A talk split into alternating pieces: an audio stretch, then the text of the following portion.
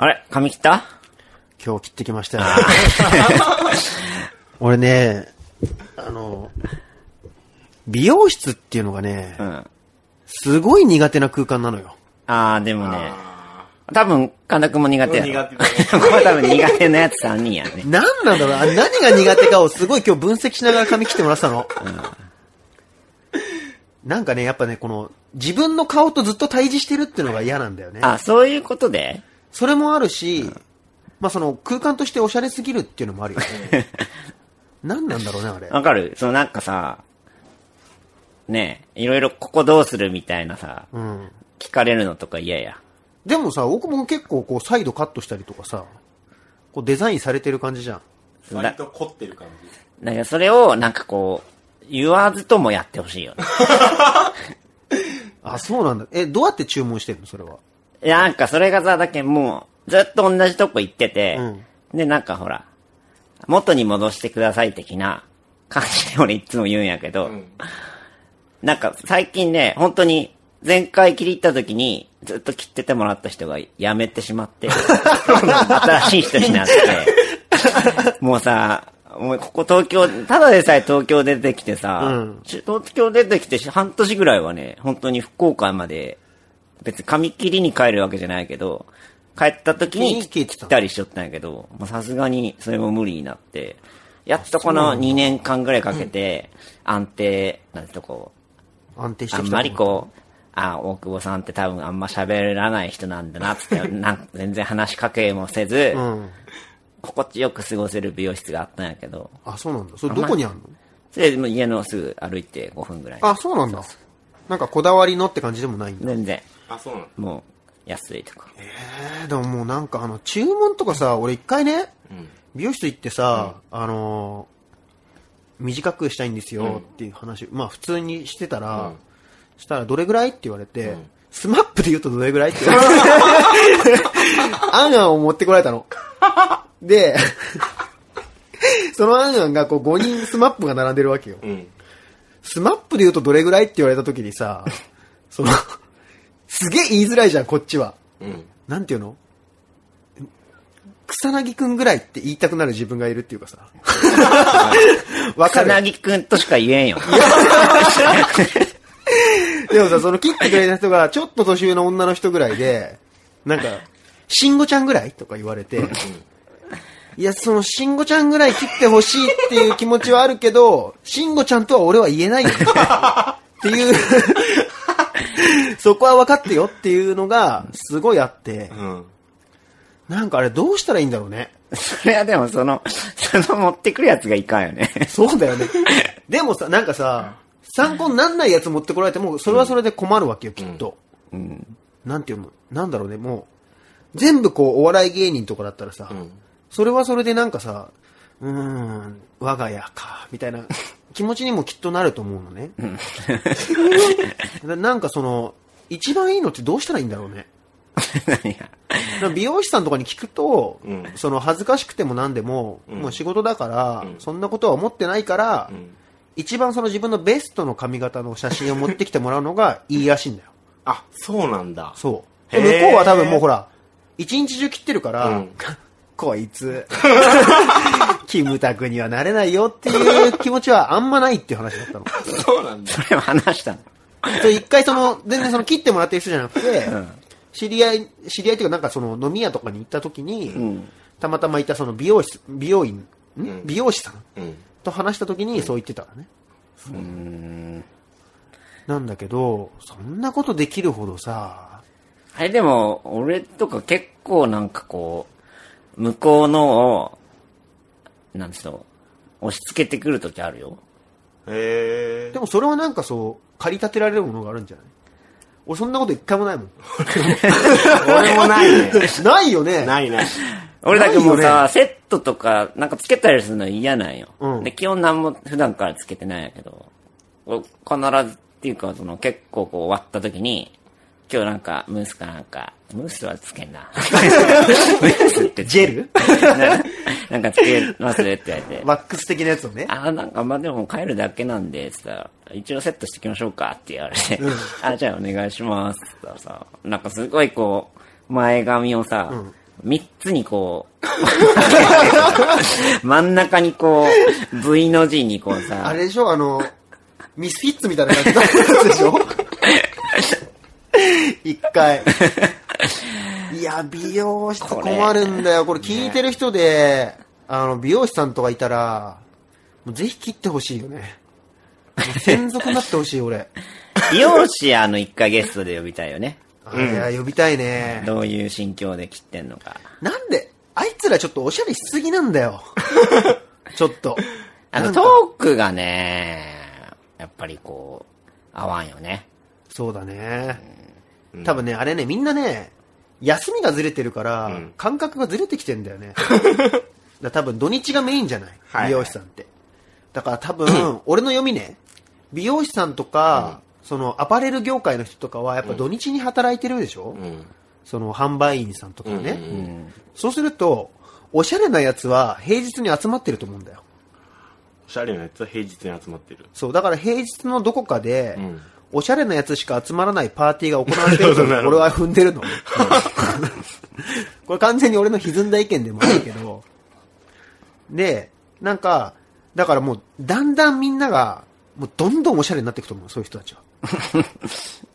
だから、そういうところに行ってる人たちに、俺は髪を切られてるって思うと、うん。すごい卑屈な気持ちにはなるよね。なんか。なんか、なんかね、美容室、ほんと、なんかさ、すごいこう気使うっちゃん。なんだろうね、あれ。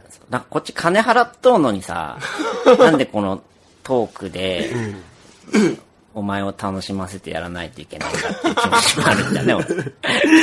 なんかあれ、話さなきゃ話さないで気まずいのがずっと続くじゃん。そう、だけどなんかあの、雑誌とか持ってきてくれるのが一番いいかな、うん。ああ、なるほどね。俺は。でもさ、あの雑誌のチョイスとかもあるでしょ。そうそうそうなんかさ、今まさに切られてるのにさ、その、髪型見本的なさ、雑誌持ってこられてもさ、なんか、どう楽しんでいいか全然わかんねえよっていうさ、そうね。なんだろうね。あれをちょっと俺はね、なんとかしたいね。なんて言って切ってもらってる？俺は、もうさ、最初に決めたっていうか、まあ、前回と一緒ってもう最近はずっと言ってて。あ、そうなんだ。ね、俺もそうや。で、俺も、あれなのよ、髪型がほんとストレートで、うん。癖っ気じゃないから、もう美容院さん何もやりようがないらしくて、切っても全部バーンってなるから、うん。なんかもうやったらと毎回パーマ当てませんかって、それの方が、なんかこう、なんか、いろいろ遊動きをつくつけれますよとか言って言われるんだけど、いや、いいっすわ。一回さ、次回のラジオまでに神田くんさ、全員変えてみるよ。すげえ、すげえ仕上げてくるとか。全員ね。ラジオでやる企画じゃない。見えない、見えないっていうね。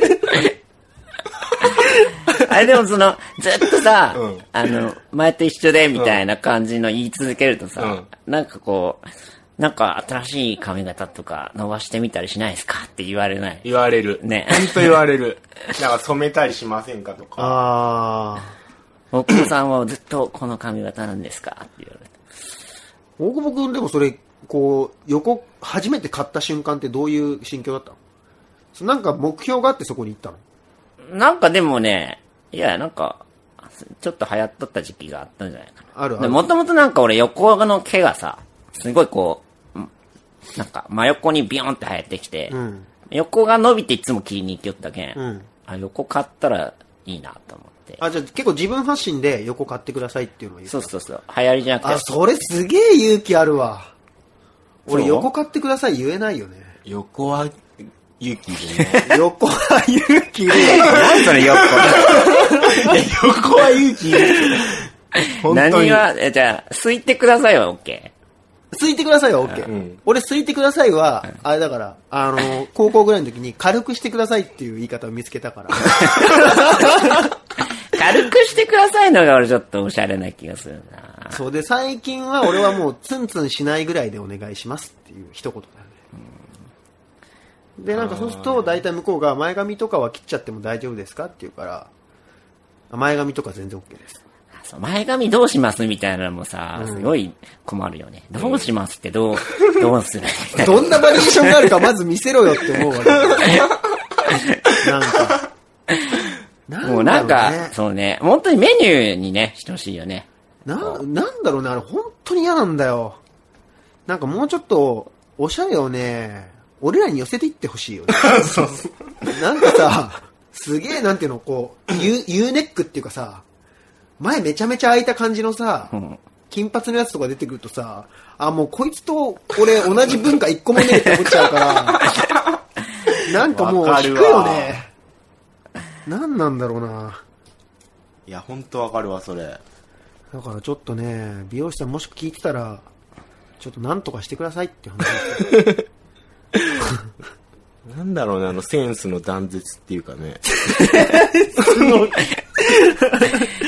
でも感じるよね。いや、もうだって、その、行くしかないもんね、あそこにね。髪切ってもらおうと思ったら。まあ、自分で切ればいいのか。よ、よりひどくなるよね。そうだよね。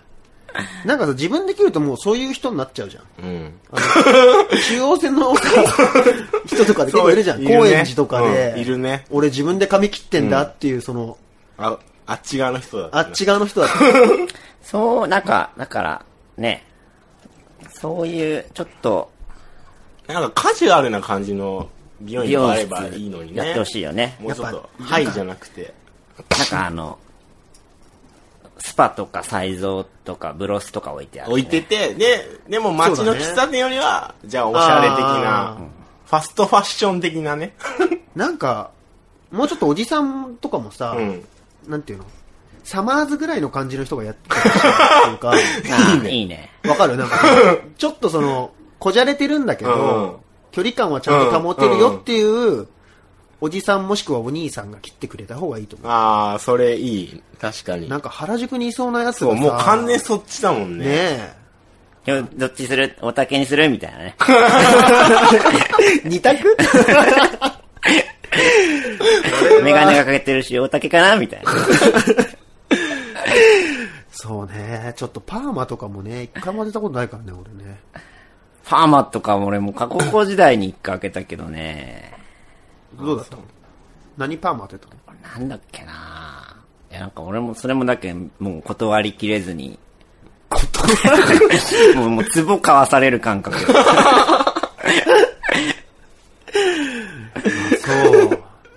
パーマ、あれも。じゃあまあ次回までに神田くんがそうだね。完璧に仕上げてくるぞっていうね。まあそんなわけでね、行きましょうかやって。みましょうか。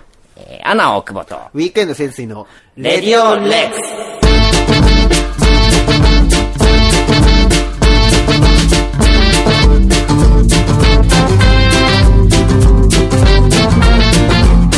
改めまして、アナ大久保です。ウィークエンド潜水です。あ、大体半分で。すいません。ちょっと、別のものに集中します。えっと、最近なんですけど、僕僕なんかどっか行って僕ね、最近ほんとさ、この月1でラジオやりようけんさ、うんなんかやんなきゃって思う。もうラジオ病やんね。今月何もしてねえと。どっか行かなきゃ。はいはい。もう発想が芸人だよ。でもいいことなんじゃない？いや、だからいい、割となんかデブ賞だったりするからね。出るよね。なんかね、ずっと行きたかったね。静岡の三島っていうとこに、なんかね、大岡誠さんっていう、なんか詩人の人がおって、谷川俊太郎さんとかと仲良しで、それのこう、記念館とか、まだ全然生きてる人なんやけど、言葉館っていうのがあって、うん。なんか詩を結構立体的にこう展示してあって、壁にこう、立体の詩があったり、うん。すごい面白い展示で、へー。それなんか常設展なの？もうその人の、うん、なんですけど、本当に記念館みたいなので、常にやっとし、なんかき期間限定でいろんな展示もやってる。今はなんかね、万葉集のなんか特集をやってたけど、万葉集とかってさ、なんかそのコネクトできるわけ？気分的に。いや、これ言っちゃっていいの？これなんか、多分名作であろうなんだけど、もう俺、古い、あの、あそこまで古い言葉で書かれてると、あ、でもね、その万葉集を、その大岡さんってのが、現代語訳した人なんよ。うん。ですごいわかりやすく書いてあって、ん。でその昔のやつと現代語バージョンと一緒に展示してあったり、基本的になんか、まあ、恋の歌とかや。うん。うんうん。なんかすごい良かったよ。初めてだね。アートの話で。なんかね、5回目にしてね。でもなんか本当にね、10、なんか12時ぐらいに行って、4時ぐらいまでおったんやけど、来場者は俺だけで、へもう貸し切り状態。え。へえ。あ、そうなんだ。いや、でも本当に近い、日帰りで行けるし、あの、よかったら、へー三島。三島。もっとね、なんかでももっと有名な、なんか美術館とか写真館とかいっぱいあって、結構そういう土地、いろあ、んな。静岡自体がってこと？いや、その三島っていう三町島ってい自体が。うところが？うん。へ結構、ーちょっと離れたところに、もう、それ、俺が行ったのは駅の真ん前なんやけど、うん。ちょっとバスで行ったところに、そういうなんか、なん、なんだクレチマスの丘とかいう、うん。まあなんか景色がすごい綺麗で、ん美術館と写真館となんか、結構現代アートとかの3つぐらいあるとこがあってうん、多分そこ、そこは一切行ってないけど、普通は多分そっちに行くんだと思うけどね。あ、そうなんだ。あ、じゃあちょっと行ってみるわ。三島ね。うん。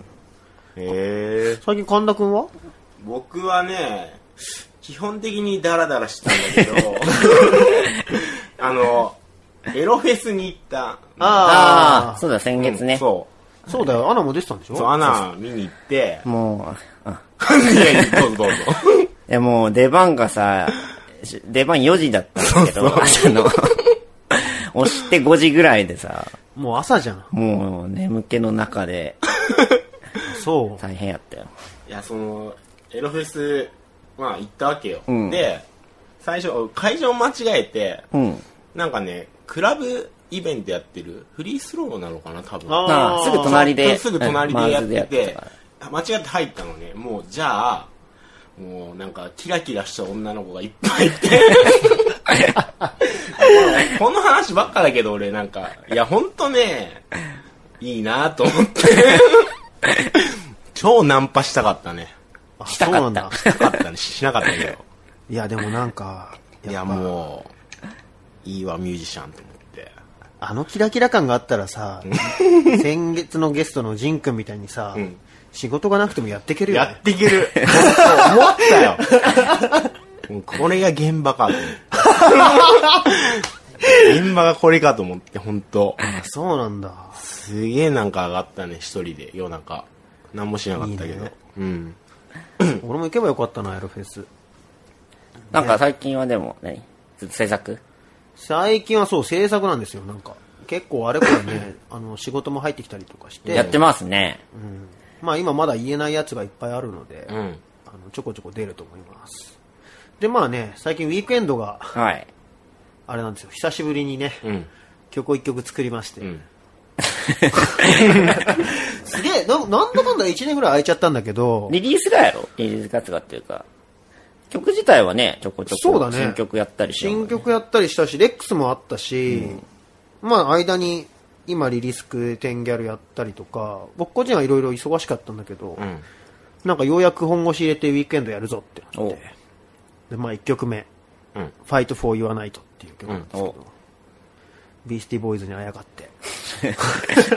サウンドはあやかってないけど。そうそうそう。サウンドはあのーあれですね、TM ネットワークをすごい聞き込んで、コピーしようと思って。仕上がっとるよね。うん。で、それのラディオエディットっていうのをわざわざ作ったのでお、あの、よかったら聞いてください。ちなみ。に、え？これフリーダウンロードなんですよ。おなので、あの、長いちゃんとした正式バージョンが聞きたい人は、えっ、と、上手に探してみてください。まだ URL とか決まってないからね。あ、そうなんですうんか。でもね、特設サイトも多分できると思う。で、珍しく PV 的なものもあるので。お、お、ちょっとなんか、俺も、映らしてよ。ねスタジオで一発撮りしただけっていう、どうでもいいやつなんで。なので、それをね、あの、聞いてください。じゃあ、えっと、ウィークエンドで Fight for Your Night、ラディオエディットです。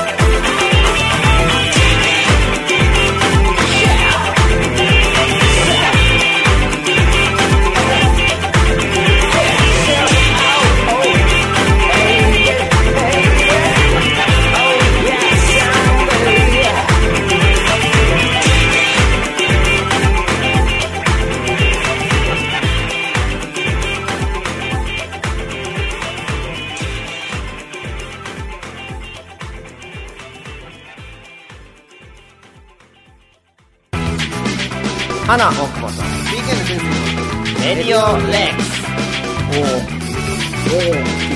大きくなれよチンチン MC モニカの自由形はい来ましたね来ましたねこのコーナー実は一番の人気コーナーなんじゃないかって、ね俺たちの頑張りは何なんだっていう 感じなんですけど、今回はね、あのー、感想が来てるので、おあのー、ちょっと読ませていただこうかなと。何か聞いとけよ。そうですよ、モニカさん。すぐいじけるから、あの人。俺のやってることなんか誰も聞いてねえみたいな感じになるからさ。たまには感想を。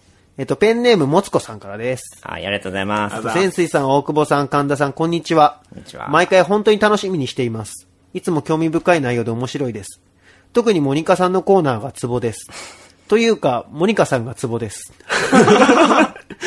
モニカさんが普段何をしているのか気になって仕方がないです。えー、レディオレックス、これからも楽しいトーク期待しています。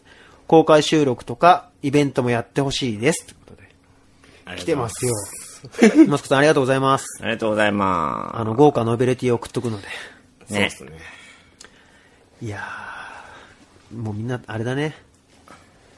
この5分間ぐらいのコーナーに一番最初に感想が来たっていう。うちらの、ね、あの、モニカさんはね、普段何やってるかっていうと、暗い生活を送ってます。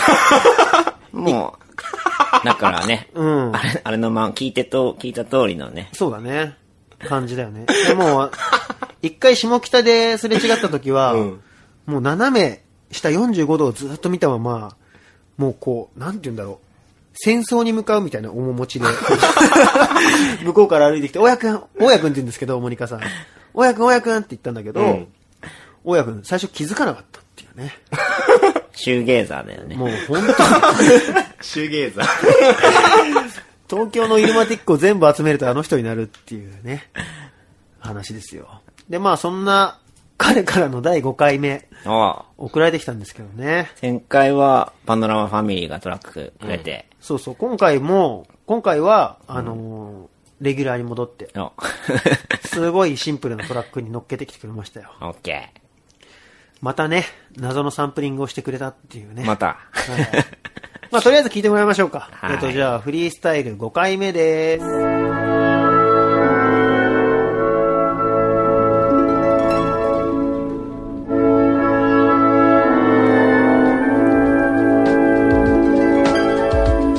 Yo. Yo. チェックワンツー学校行ったら怒られた。生き方やっぱり間違えたいつもは徒歩で行くのに今日に限って原付バイクで行ったら怒られた。怒られた。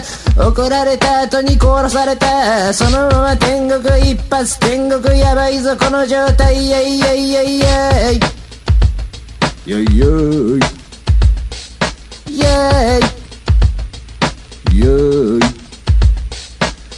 地獄はとても怖いから天国行こうと思ったらお金が8000億円いると言われたからやっぱ借金してとっても難しいぜ天国行くのはやっぱり難しいぜ難しいぜ。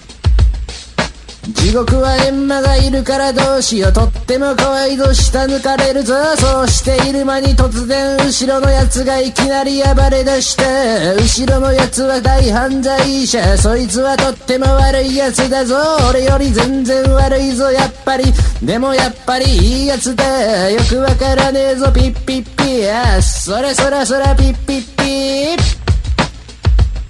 ピッピー。ピピッパッパパッパパッパパッパパッパパパパパパ前世でいいことしたらば天国ダメだったらば落ちるぞ地獄。そう学校行けないぐらいで殺されたらやっぱたまったもんじゃねえぞ。ずやっぱり今日の感じはよくわからんぞ。よくわからんぞ。よくわからんぞ。ライダースーツを金出すから買ってこいよてめえパシリをやったら怒られたパシリをやったら怒られてパシリをやったら怒られたその流れでまだ殺された怖いぜピッピーピーピー明日はきっと素晴らしい日が来るんじゃないかなんて言われましたけども。やはり間違わない方がいいということでした。はい。じゃあ行くぜ。ヘイヘイヘイ六本木ジャンプ力。ヘイ六本木ジャンプ力。六本木ジャンプ力。六本木いやそれジャンプ力！Yeah!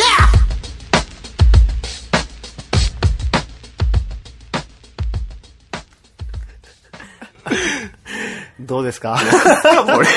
もう、言葉を失うよね。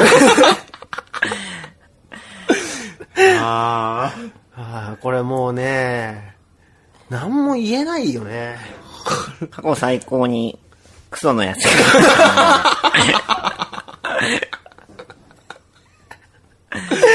あの、ピッピッピッってのは何なんだろうね。もうハマったんやろね。なんかね2、回目ぐらいから毎回出てくるよね。なんか彼の持持つこう、生まれながらの独自のリズムがあそこに集約されてる気がするよね。なんだろうね、なんか、大丈夫かな？意外と、ね、自殺しようとしてた人がこれ聞いてストップするかもよ。頑張って、うっれれてーなんだろう、走られたのかな？最近。もう、プロポリスクルーとかも何にも関係なくなっちゃったし、なんか、急な世界観が始まったよね。これでも面白いかもしんないね。このなんか、なんて言うんだろう。民謡みたいな。民謡だよね、これね、もう。ノリがなくて、よし行くぞ、みたいなね、スキルが。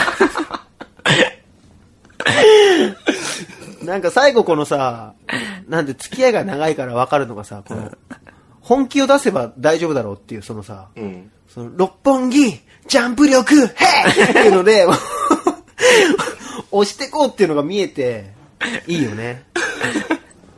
なんかみんな、ぜひ感想ももちろんなんですけど、モニカさんにこういう内容で、あの、悩み相談をフリースタイルで答えてほしいとかね、はい。いいね。あったら、あの、送ってください。はい。はい。というわけで5回目でした。なんか今日のパーティー、超だるくない？あ、音楽やばくない何これ音楽光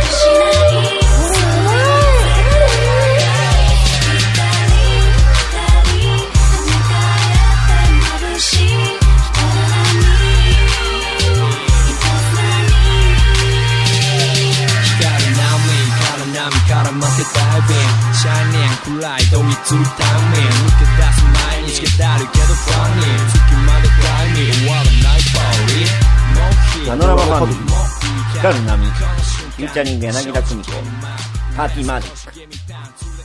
12月21日、7インチレコードでオンセール。アナ大久保と、ウィーケンド先生の。レディオレックス。金は100歳。金は100歳レックス報道ステーション。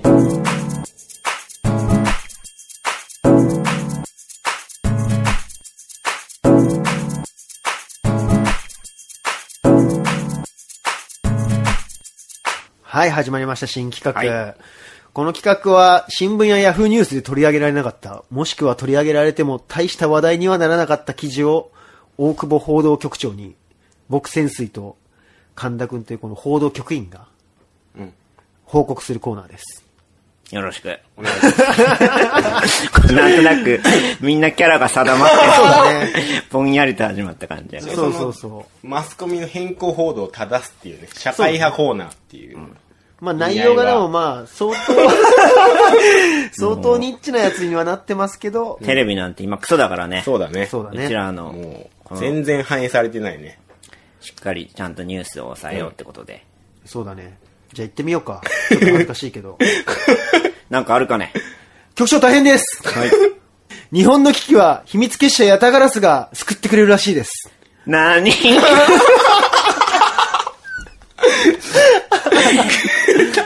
だはいい。という話題なんですけどね。はい。僕最近このね、上半期？上半期はずっとね、都市伝説を調べるっていうのがね、なんか言ってたね。マイブームだったんですよ、ずっとね。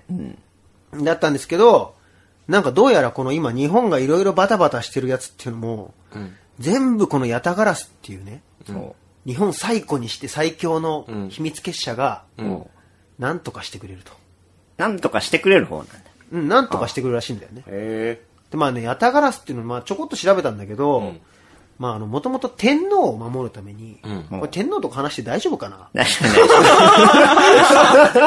まあ、消されたとしたらやったグラスにはね。そうだね。あのね、3000年前ぐらいからもうね、その秘密結社はあったと。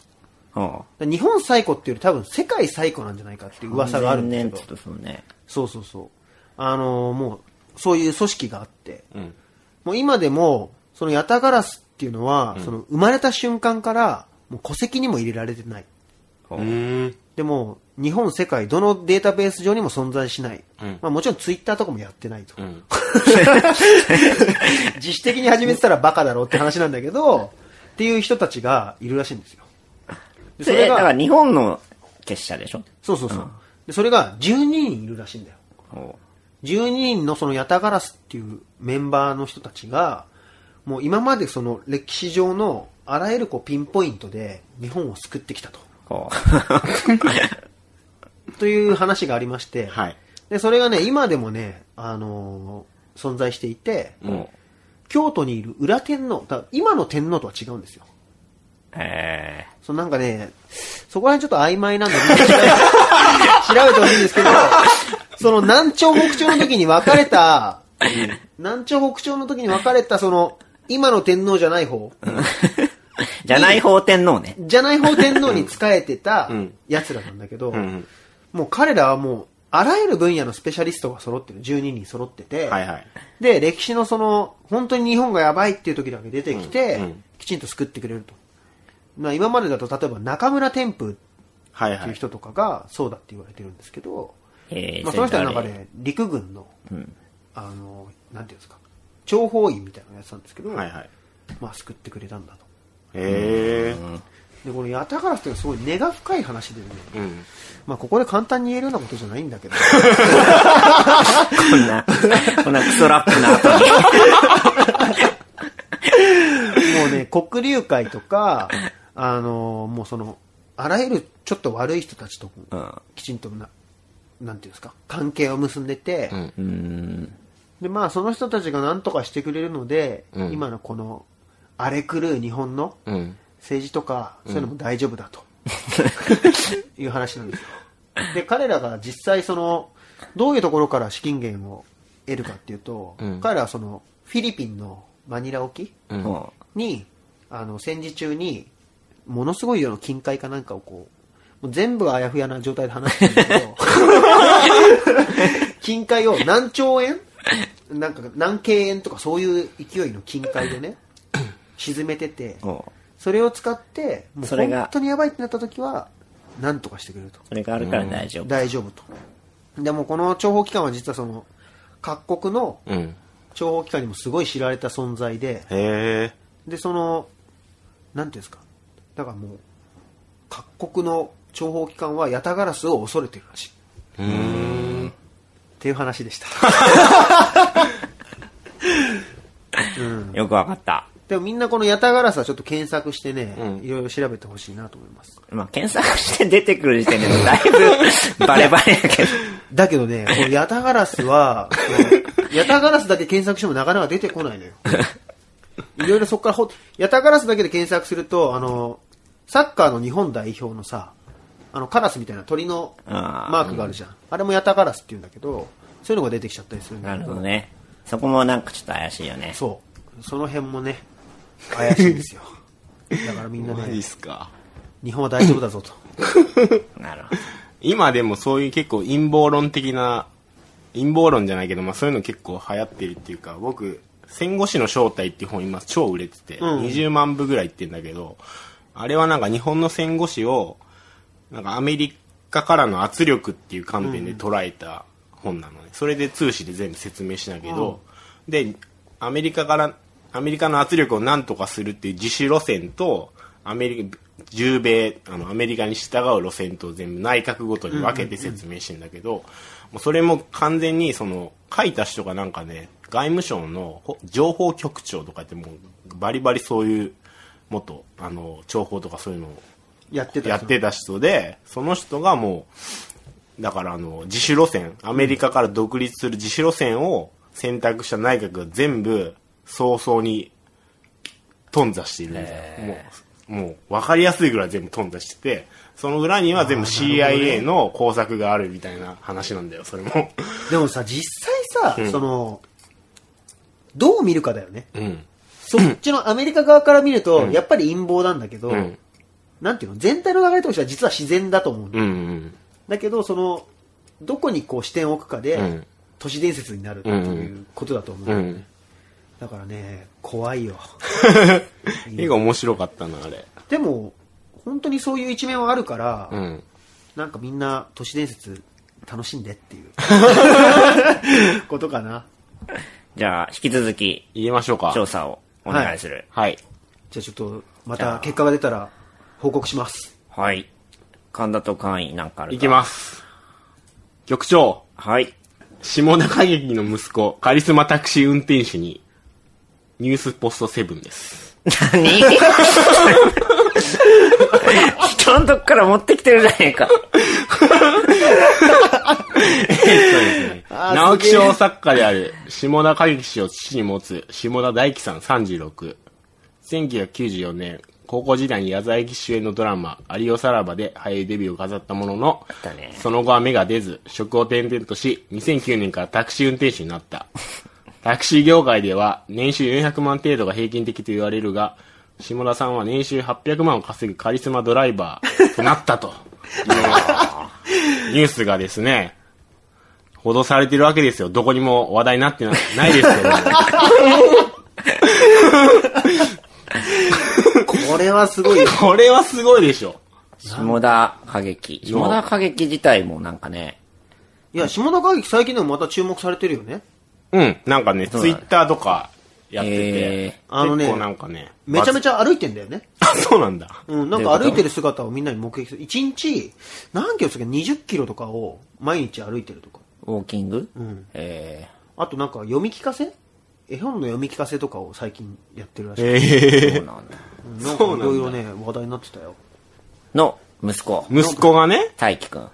大輝くんカリスマ運転手。がカリスマ運転手になったっていうね。その、有オサラバに出てたことさえ俺知らんかった。そのさ、あの、写真があるんですよ。写真がね、見るとね、まあ、お父さんそっくり。710円の重みを語ってますよ。初乗りね初乗り。なるほど。でもタクシーの運転手ってさ、俺タクシー乗ると必ずね、うん。あの、景気を聞くようにしてんのよ。はいはいはうん。まあみんなやっぱりバブルの頃は良かったって話を必ずしてくれるのと、あと一番遠いのでどこまで行きましたっていうので、うん俺九州って人いた。へえ。九州まで深夜にもう電車とかもないけど、うんなんかお葬式かなんかがあるから、うん行かなきゃいけないんだってう言って、ん。で、あの、行ったら、でも朝までには着いたとか言ってたから。へえ。そう、タクシーがさ、なんか、日本のその景気のさ、指標になるっていうもんね。そうそうそう。だから聞くとでもまあ本当に、ひどいですねってみんな言う。まだ、だから全然景気戻ってないんだろうなと思って。なるほどなる。ほど。ありがとう。引き続き追ってください。はい。これ引き続き追うやつだ どう追うのかっていうね。なんなら頑張ったらゲスト来てくれんじゃないかって思って他になんかあるかね？じゃあ、神田と会もう一個いっはい、いきちゃいますか。ますね。はい。えーとですね。次は、えー、いきます。えー、竹島講義の韓国人。日本でデモするも表示が韓国語で誰にも気づかれず。ライブドアニュースです。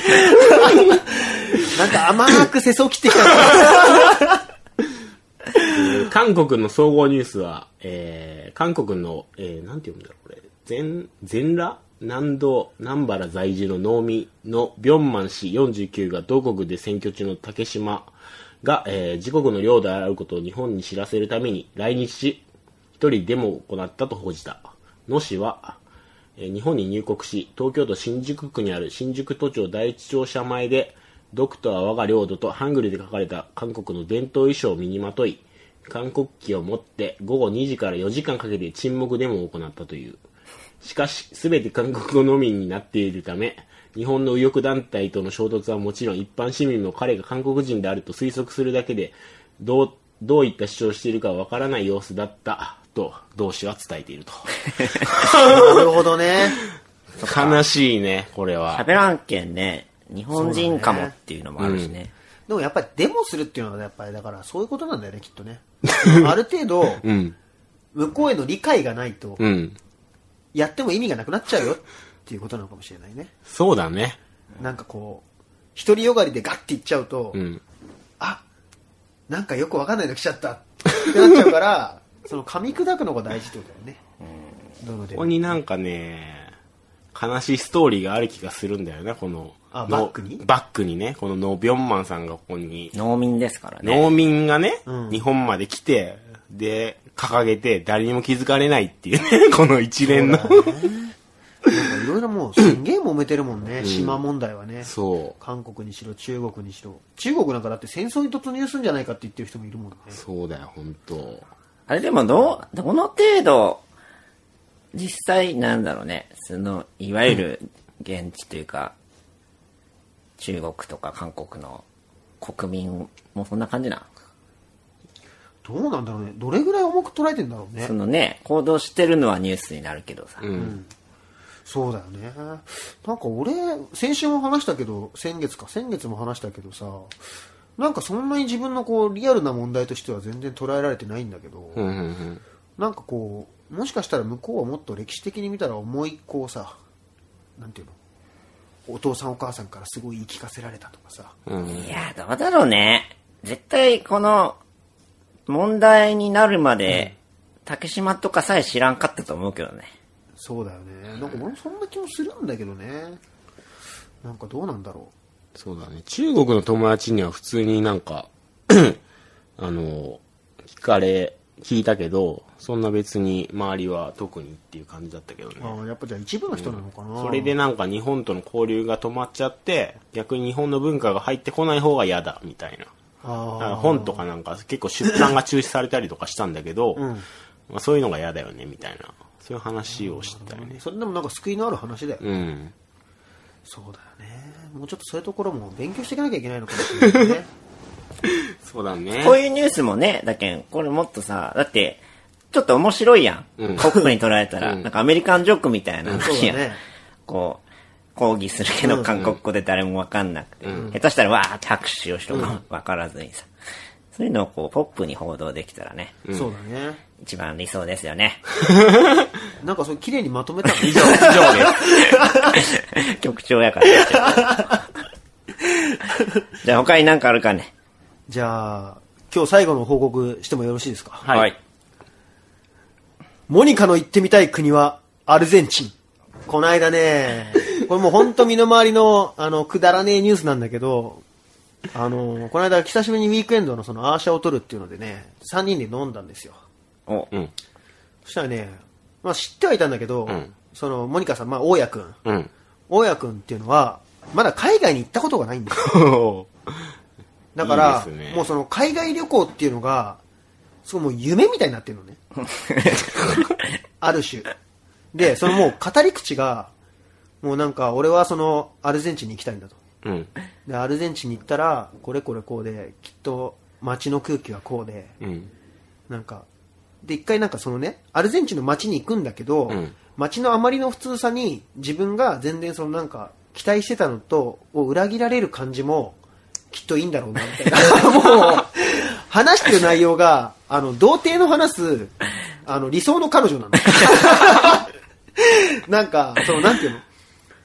おっぱいって柔らかいんだろうな、な、その、で、最初、俺が、その、童貞を捨てるなら、なんていうの？これこれこういう、菅野美穂みたいな感じの顔で、うん。で、冷たい感じで俺はされて、うん。最初はすごい捨てられてもいいんだみたいな。うん。なんかもう本当その感じでずーっと話してて、で、11月ぐらいに、じゃあウィークエンドで台湾とか行ってみようかっつったら、うんいや、俺最初に行くのは台湾じゃないと思ってるって。言い出して、最初に付き合うのはこの女じゃないそうそうそう。なんかもうその感じが、あ、もううるせえっていう感じになってきて、もう風俗行ってこいっていう感じになっちゃっててさ、っていう話なんだ。でもね、そう、だから海外旅行に彼をもう無理やり連れていく。どこだっけ？どこ？アルゼンチンアル。ゼンチン。アルゼンチン遠いからね。しかもなんか途中でさ、もうさそ、れもう夢の国なんや。夢っていうか、その、なんかもう、なんて言うんだろう、その、どうでもいい情報とか入ってくるんだよ。そんな話一回も聞いたことないのに、俺昔からちょっと単語も好きだったしとか。お前が単語聞いてるとこ聞いたことねえしって思いながら聞いてて、うわあ、そうなんだとか言って聞いてて、で、なんか、なんか滝があって、なんとかって滝が行ってみたいとか、あれがしてみたいとか。もうそれさ、言ったらさ、その、童貞の人がさ、こういうプレイをしてみたいみたいな話を延々聞いてるのと一緒で、だからなんか久しぶりにね、その、思春期に戻ったみたいなね、すごいいい空気感の夜だったよね。なので、あのーぜひ彼にアルゼンチンの現実を教えれる人がいたら、教えてあげてください。はい。じゃあ、レックス報道ステーションでした。アナ大久保と、ウィークエンド潜水のレディオレックス。